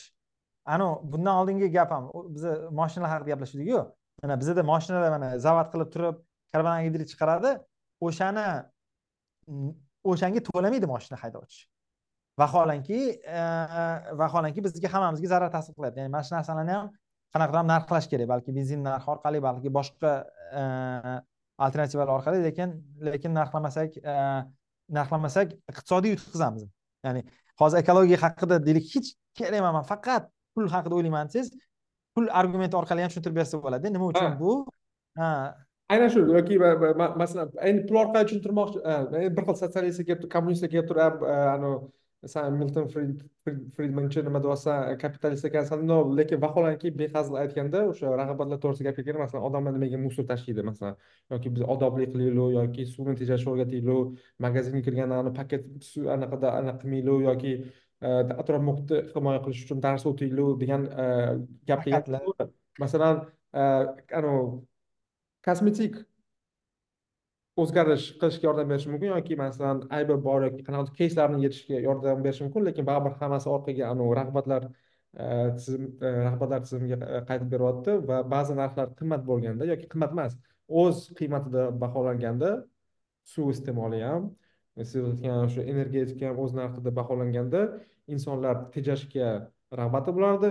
Korxonalar samaraliroq samaraliroq energiya manbalarini isloh qilishga yoki energiya manbalarini investitsiya qilishga ham samaradorligini oshirishga ham chunki masalan aytgan tesla rag'bati yo'q masalan uni hozir bir milliard so'mmi shtrafka emas to'xta bir milliard so'mni biz filtrga qilamiz uni samarali qilamiz narxini tushirishimiz kerak kimdir uni raqobat qilishamiz degan rag'bati bo'lmagani uchun ular ham tabiiyki tabiiyki mana shunaqa ekvilibriumga kelib qolgan hozir shuning uchun albatta aytdingizu meta agar summary qiladigan bo'lsak xulosa qiladigan bo'lsak rag'batlar tizimi va umuman o'sha resurslar taqsimotida narxi o'z qiymatiga yarasha belgilanishi o'ta va o'ta katta narsaga olib keladi. Lekin yana boshiga qaytsangiz anavi jazo muqarrarligi yana shu hamma joniga kelib yetgan masalan kimdir qoida buzsa yoki o'sha qoida buzar familiyasi bo'lsa va uni jazo olmasligi u keyin yana shu jazoni qayta qayta qilishiga olib keladi shuning uchun o'sha hammani joniga teggan manimcha yana qaytib keldik o'sha bir xil narsalarchi masalan judayam bir biriga bog'liqda masalan jazo muqarrarligi bilan ekologiya ham bog'liq. O'sha rag'batlar tizimi ham masalan aytmoqchiman energetik siyosat yomonligi boru yoki man ekologiya yomonligi. Odamlar o'ylashi mumkin bu shu tabiatdan kelgan shu boshga tushganni ko'z ko'rar deb tabiiy deb o'ylashi mumkinda man aytmoqchimanki bu anavi mutlaq qo'lda qilingan narsa. Ya'ni bu ya'ni e, o'zbekistonda ekologik katastrofani sababi biz noto'g'ri e, e, iqtisod qilganimiz. Nuqta ya'ni mana shudan keyin kelib chiqsa bo'ladi. Qanaqa noto'g'ri iqtisod qilganmiz? Chunki biz eksternaliyani hisobga olmaganmiz deb turib anavi argumentni chizib chiqsa bo'ladida chunki masalan mana bir xil narsa kulfatlar borda. Masalan yer qimirlashlar bor. Mana ularni haqiqatdan deylik tabiiy bir kulfat boshqa unga ham qarshi instrumentlar bor. Masalan vaqtida odamlarga aytish yoki uy qurishda qanaqadir to'g'ri arxitekturadan foydalanish bular bularni kamaytirmagan holda aytmoqchiman. Bu xuddi bir tabiiy bir muammo deydi xuddi orol muammosi ham boshqasi ham mutlaq odamlar tomonidan qilgan. To'g'ri mana orolda deylik mustaqil o'zbekiston ibo desak bo'ladi qanaqadir ma'noda. Bu sovetlar suvni tekinga berib qum ichiga tushirib yuborishganda anaqa odam. lekin baribir ham bu odamni aralashuvi orqali bo'lgan sovetlarni men uchun qilishgan chunki suvligi tekin ya'ni hech kim to'lamayapti suvga. Anaqadan e, e, nima deydi tog' tepasidan yaxliklardan o'sha tojikiston hozirgi qirg'izistondan suv oqib e, g'arbga anaqaga oqyapti. Orol dengiziga oqyapti va uni orasida o'zbekistondagi bir yerlarda paxta ekaylik chunki paxta qimmat. Degan bir jinni g'oya orqali hech qanaqa hech kim iqtisod qilmaydigan hech qanaqa rag'batlar to'g'ri qilmaydigan joylarda qumga ketadigan kanalni qilishdi.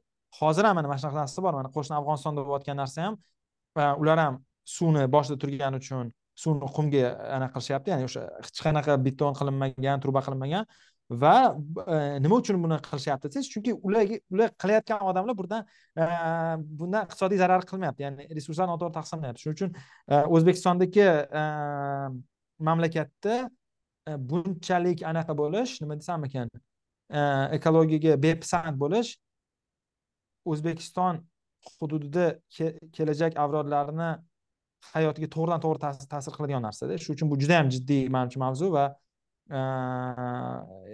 ko'p ko'p gaplashilib ko'p bilasizmi yana bitta katta afsuslanarli narsasi nima shu mana shu insonlar hayotiga to'g'ridan to'g'ri ta'sir qiladi.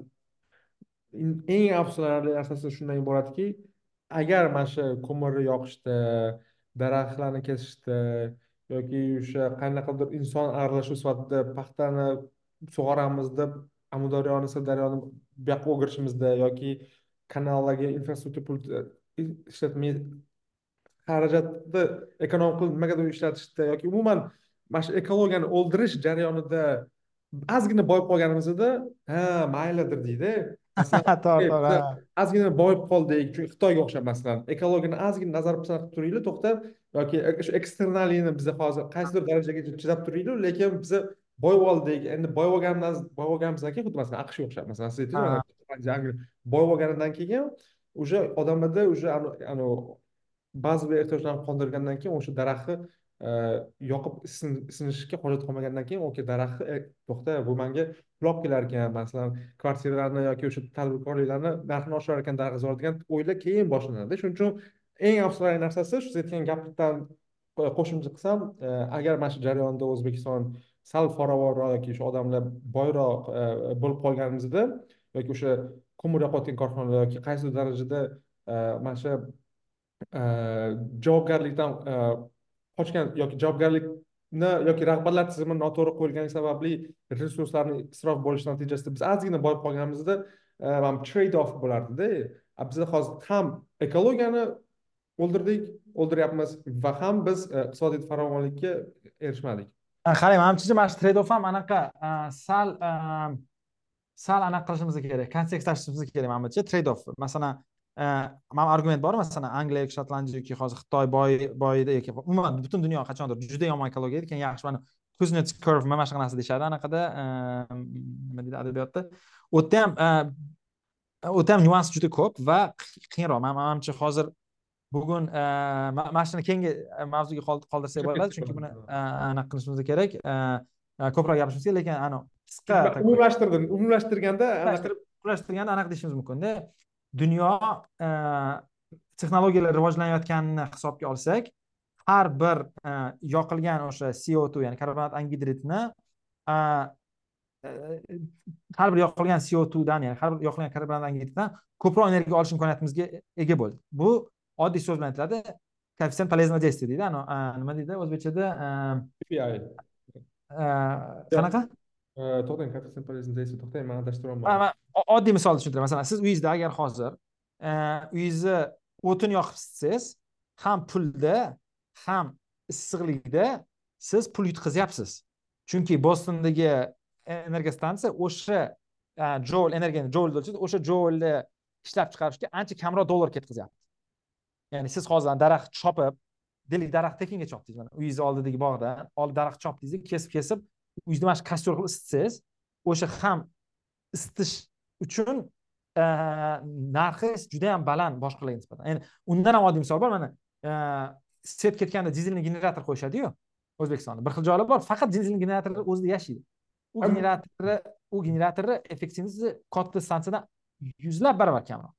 Lekin ya'ni har bir o'sha energiya o'sha har bir dizelni grammiga dan chiqqan joulni dollarga o'girib qilsangiz o'sha williamson degan odam olimida anaqa nobel mukofotini anaqadagi yeldagi bir uchtasi olishadiku williamsonmidi oti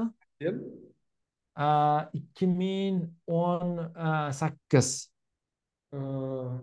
williamsonmidi o'sha energy economics bo'yicha nobelskiy premiya olgan lekin uni bitta zo'r maqolasi borda man вообще chiroyli yoqdi u dunyo tarixidagi hamma energiya resurslarini masalan oldin esingizda bo'lsa aqshda svet yoqish uchun kitlarni yog'ini ishlatishardi ani mobi dik degan kitobni o'qishgan odamlar kit yog'idan odamlar yoqishadi. Nima uchun? Chunki u boshqa alternativalardan arzonroq edi. Masalan nima kit yog'idan dizelga o'tildi degan savol bor. Alyaskada hozir ham qilishadi shuni aytgancha. Chunki arzon. ha arzonroq masalan kitlarni sevib qolishdi emas amerikaliklar. Qimmatga tushishni boshladi kit yog'i. Xuddi shunaqa masalan va hamma energiya resurslarini shunaqa ko'rsatib chiqqan ya'ni ya'ni pulga chaqib o'sha qancha energiya chiqishini nima uchun deylik dunyoda odamlar ko'mirdan kit yog'idan kelib hozir gazga kelishgan sabablardan biri ham iqtisodiy. Shu uchun masalan e, xitoy e, rivojlanishidan boshqada ham birinchidan texnologiya hali bunchalik zo'r emasdi. Lekin shunda bo'lganda ham anavi e, trade off bor xitoy qilayotgan. U ular ham o'zini qanaqadir ma'noda aldashgan desak ham bo'ladi. Ya'ni o'n to'qqizinchi asrda rivojlanish bilan yigirma birinchi asrda rivojlanishni yaxshi tarafi butun dunyo ishlatayotgan texnologiyalarni hozir ham ishlata olasizda va ularni narxi arzonroq masalan e, e, deylik bizni boyish uchun hozir eski o'n sakkizinchi asrni e, anaqalarida emas nima deydi печатный mashinkasida emas kompyuter ishlata olmaymiz yigirma birinchi asrdagi xuddi shunaqa energetik texnologiyasida ham dunyoda hozir mavjud eng zamonaviy eng samaradorligi yuqori narsani olib kelish ham narxi nisbatan anaqada nima deydi nisbatan anaqaroq ya'ni narxi arzonroq kompyuterlarda buni tushuntirsak bo'ladi masalan oldin bir gigabaytni bir gigabayt masalan axborotni katta bir stadiondagi joyda anaqa qilish kerak bo'lsa hozir kichkina fleshkada bir terabaytdan bo'lishi mumkinda bu nima degani o'sha xotirani axborotni saqlash narxi там minglab baravar tushib boryapti o'sha insoniyat tarixi bo'yicha xuddi shunaqa energiya ishlab chiqarish narxi ham mana shunaqa tushib boryaptida. Shu narsadan biz foydalanishimiz kerak. Biza mana ko'r bo'lsa masalan mana bunaqa. Biza buyog'ida bizada mana mana bu yog'ida. Lekin mana bu bor. Bu ham arzon ham oson. Lekin rag'bat bo'lsa bo'ldida. Shuning uchun agar kompyuter computational power ya'ni e, hisob kitoblash kuchini anaqa qilib ishlatadigan bo'lsam aytardimki tasavvur qilinglar o'zbekistonda hozir qanaqadir ham e, texnologiya masalan aeroportda biza eskicha e, вычислительный mashinkada yuritamiz nimaga unaqa yuritamiz desak a chunki shunaqa e, nima deydi o'rganib qolganmiz shuning uchun bizga osonroq e, degandek bo'lyapmanda man ozgina shu e, nima desam ekan? Energetika islohoti iqtisodiy ravishda ham oson va trade offlar ya'ni o'sha nima yaxshiroq boyish anaqasi ko'p emas. Lekin to'g'ri man siz bilan qo'shiladigan narsam qanaqaki unchalik alam qilmasdi dostda sizni не было так жалко alam ya'ni masalan hozir xitoyda to'g'ri hozir anaqasi havosi yomon odam ko'p bo'lyapti lekin ularda kishi boshiga daromad o'n ikki ming bizada hali ham ikki ming besh yuz ham emasda desangiz bo'lardi. To'g'ri energetika bilan iqtisodiyot o'rtasida qanaqa bog'liqlik bor yana bilasizmi?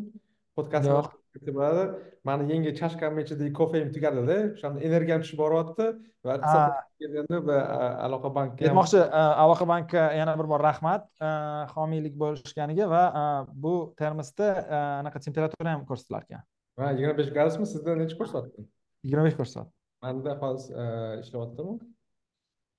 Ishlayapti manda qolmadi ichida qolmasa ko'rsatmaydi adashmasam. Xullas aloqa banki Rahmat. yana bir bor tashakkur bildiramiz hamkor hamkor hamkorlarimizga va albatta tomoshabinlarga va eshituvchilarga kattakon rahmat har doimgidek iltimos sizga podkastimiz bu epizod yoqqan bo'lsa ulashing do'stlaringiz bilan yoki izohlarni qoldiring biz albatta hammasini o'qiymiz xursand bo'lamiz va aytmoqchi hamma izohni o'qiymiz ko'plarini pechat qilib o'qiymiz ba'zi- ba'zida ya'ni skrinshot qilib bir birimizga yuborib o'qiymiz va kechqurun kofe ichib o'tirganimda yaxshi izohlarni o'qishni yaxshi ko'raman. Shuning uchun ulashsanglar biz ko'rib turamiz hammasini. E, anaqa yo- yomon izohlar bo'lsa ham yozaverishsin masalan man anaqa anaqaga tanqidga ochiqman doim. Ya'ni masalan albatta. Masalan feedback nimadir yoqmagan bo'lsa yoki kanal ta- taklif bo'lsa yoki там bilmadim bir xilda yozadi masalan bilmadim qanaqadir. Masalan e, shimoliy karolinani bolельщик bo'lsangiz o'tirish agar bilmadim shimoliy karolinani UNCda o'qigan bo'lsa yoki bilmadim там bilmadim tottenhemni fanati bo'lsa yoki qanaqa shaxsiy adovati bo'lsa ham yozsa man o'qib turaman yoki там bilmadim bir xilda shunaqa narsada там bilmadim sheva shevezi to'g'rini yoki o'zbek tilini bilmas ekansizlar deydi endi bilmadim ha ya'ni hammasini o'qiymiz o'shanga katta rahmat aka hammaga nima deydi sog'liq tilab qolamiz va? Keyingi epizodlar ancha tezroq keladi degan umiddamiz. Rahmat hammaga epizod sizlar yaxshi dam oling